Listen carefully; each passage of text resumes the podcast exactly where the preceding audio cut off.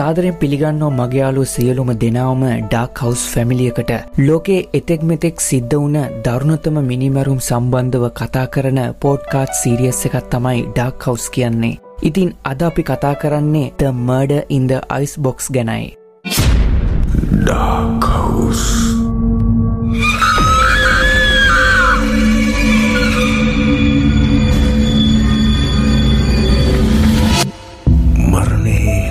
සාක්ෂිය.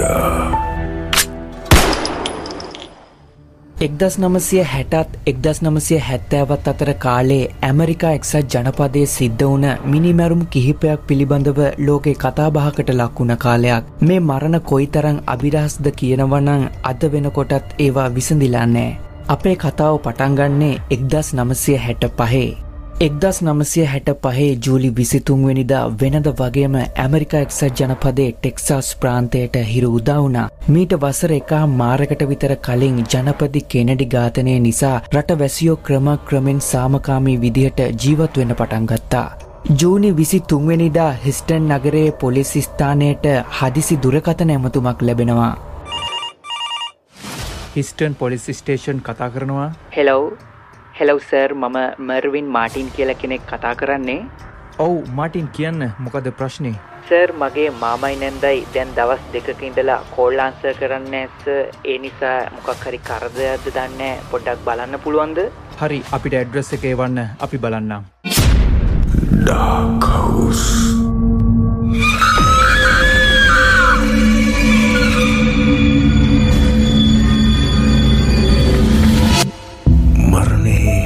සාක්ෂිය? මාටින්ගේ ඉල්ලීම නිසාම පොලිසියට දීපු ඇඩ්‍රස් එක හරහා ඔවුන් දෙදෙනා පදිංචි වෙලා ඉන්න නිවසට යනවා.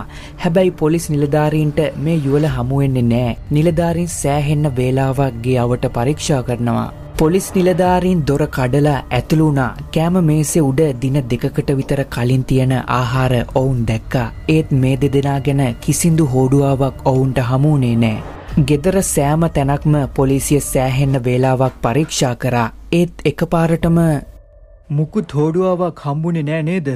නෑසර් හැබැයි යමුතු ගඳක් නං එනවා ෆ්‍රිජ්ජක පැත්තෙන් ඒනම් යමු අපි බලන්න පොඩ්ඩා ඩාකවස්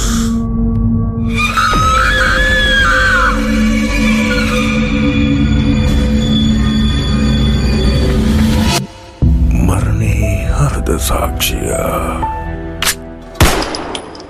ෆ්‍රිජ් එක ඇරපු ගමම්ම දකින්න ලැබුණේ භයානක දර්ශනයක්. ෆ්‍රිජ් එකේ ඩීෆිෂර් කොටසේ ඒ දෙදෙනගේ ඔලු දෙක තියෙනවා. පිරිමි මනුස්්‍යයාගේ ඔළුවේ පැත්තක් තලල දාලා ගෑනු මනුස්්‍යයාගේ ඔළුවට වෙඩි තියලා.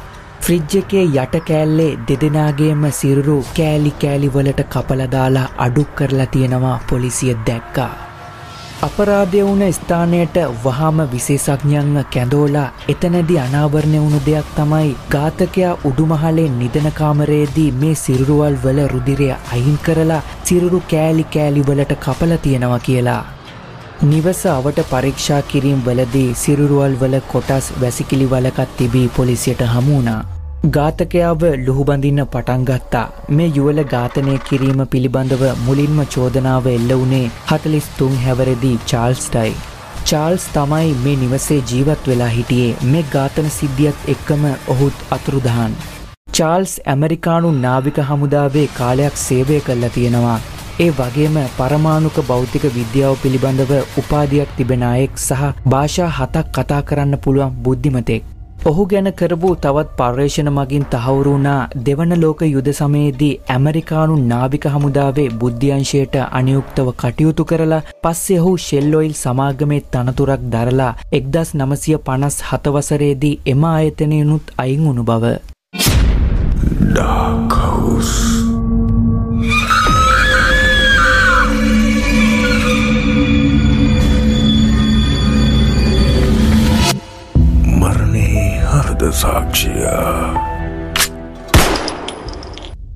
එක්දස් නමසය පණහැදී චාල්ස්ට ඩේවිඩ් කියල යාළුවෙක් හම්බ වෙනවා ඔහු වංචාවලට සම්බන්ධ පුද්ගලෙක් වගේම ජනාධිපති කෙනඩිගේ ඝාතනය පිටුපසත් ඉන්න පුද්ගලෙක්. චාල්ස්ගේ රස්සාාව නැතිවුණ නිසා ඔහු දෙමවපියන් සමඟ තමයි ජීවත් වෙන්න පටන් ගත්තේ. ඒත් දෙමවපියෝයි චාල්ස් අතරයි එතරන් සම්බන්ධතාවයක් තිබුණේ නෑ. හැබැයි ඒ වෙනකොටත් චාල්ස් ඩේවිට් එක්ක සම්බන්ධතාවය දිගටම පවත්වාගෙන තිබුණා.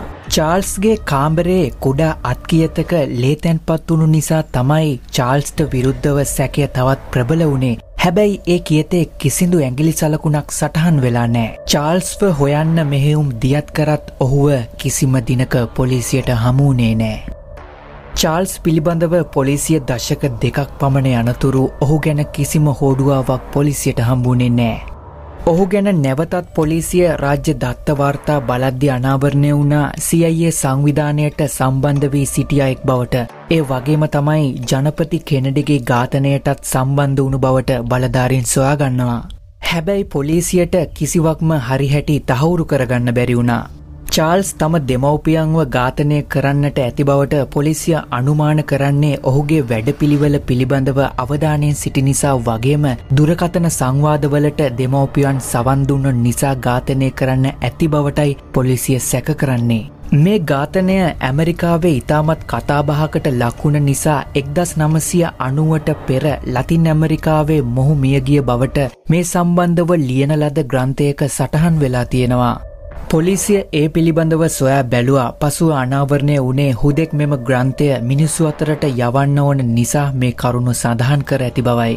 එක්දස් නමසිය අනු හතවසරේදී වෝහාරික වෛද්‍යශේෂත්‍රයට සම්බන්ධ හිව් සහ මාතා යන යුවල මෙම සිද්ධිය පිළිබඳව අලුතෙන්ම පර්යේෂණයක් කරන්න පටන් ගත්තා.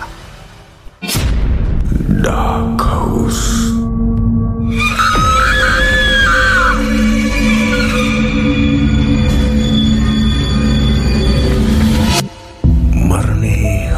සාක්ෂිය මොවුන් පෙන්වා දෙනවා චාල්ස් කියන තරම් චරිතය කළු පුද්ගලෙක් නොවන බවත් පර්යේෂණවලින් අනතුරුව මොවුන් පෙන්වා දෙන්නේ කුඩා කාලයේදී චාල්ස්ට දෙමවපියොත් දරුණු ලෙස පීඩා ඇතිකර බවත් චාල්ස්ගේ තාත්තා දේපල පුතාට ලියනව වෙනුවට පුතාගේ දේපල ව්‍යාජ අත්සං යොදා තාත්තගේ සන්තකයට ගන්න උත්සා කර ඇති බවත් ඔවුන් වැඩිදුරටත් සඳහන් කල්ල තියෙනවා. මේ හේතුව නිසා චාල්සිය මව්පියන්ව ඝාතනය කරන්න ඇති බවත් මේ සඳහා වසරකටත් වැඩි කාලයක් සැලසුම් කරන්නට ඇති බවත් මොවුන්ගේ පර්යේෂණයෙන් පෙන්වා දුන්නා. ඝාතනවලින් අනතුරුව මොහු මිතුරන්ගේ සහයෝගයෙන් මෙක්සිකෝවට පැනගෙන නැවතත් හොන්ඩුරාජ්‍යයේ ජීවත් වෙලා ඉද්දී ඒදී කොහොලාලයකට සම්බන්ධ වෙලා මරණයට පත්වුණු බවට මේ පර්යේෂණයෙන් සොයාගත්තා. මේ පර්යේෂණය ග්‍රන්ථයක් වශයෙන් නිකුත් වුණා ඒත් මුළු ලෝකෙම දෝෂාරෝපණ එල්ලවෙන්න පටන් ගත්තා. ඒ ඔවුන් සඳහන් කරන කිසිම කරුණක් ඔප්පු කරගන්න බැරිවුණ නිසා. වැඩිදුරටත් අධ්‍යයනකින් අනතුරුව ඇමරිකානු ආරක්ෂක නිලධාරීන් මේ ග්‍රන්ථය ඇති කරුණු සම්බන්ධයෙන් සත්‍ය සිද්ධියක් ඇසුරු කොටගෙන සෑදූ ප්‍රබන්ධයක් යැයි සලකා මේ පර්යේෂණය සහ ග්‍රන්ථය අයින් කරා. අද වන විටත් ඇමරිකානු පොලිස් පොත්තල මේ ඝාතනය සටහන් වෙන්නේ නොවිසඳුණු අභිරහසක් වශයෙන් එක්දස් නමසය හැත්ත පහේ චාල්ස් මියගිය බවට තහවුරුනත් ඔහුට අත්වුණු ඉරණම පිළිබඳව තවමත් කිසිම කෙනෙක් දන්නේ නෑ. ඩාකවුස්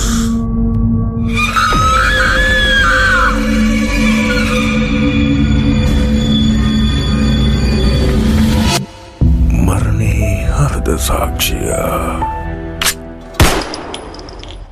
මේ කතාව හොඳයි කියලා හිතනවනං අනිවාරෙන්ම ෂයා කරන්න. මේ වගේම ලෝකෙන් නොවෙසිඳුණු අභිරහස් මරණ සම්බන්ධයෙන් අපි ගෙන අලුත්ම පෝඩ්කාස් සිරියස් එක තමයි ඩාකවස් ඉතින් ඩාකවස් එක සම්බන්ධුණු ඔයාලට ගොඩක් ස්තුතියි. ඉතින් හැමෝම පරිස්සමෙන් ඉන්න හැමෝටම ජයවේවා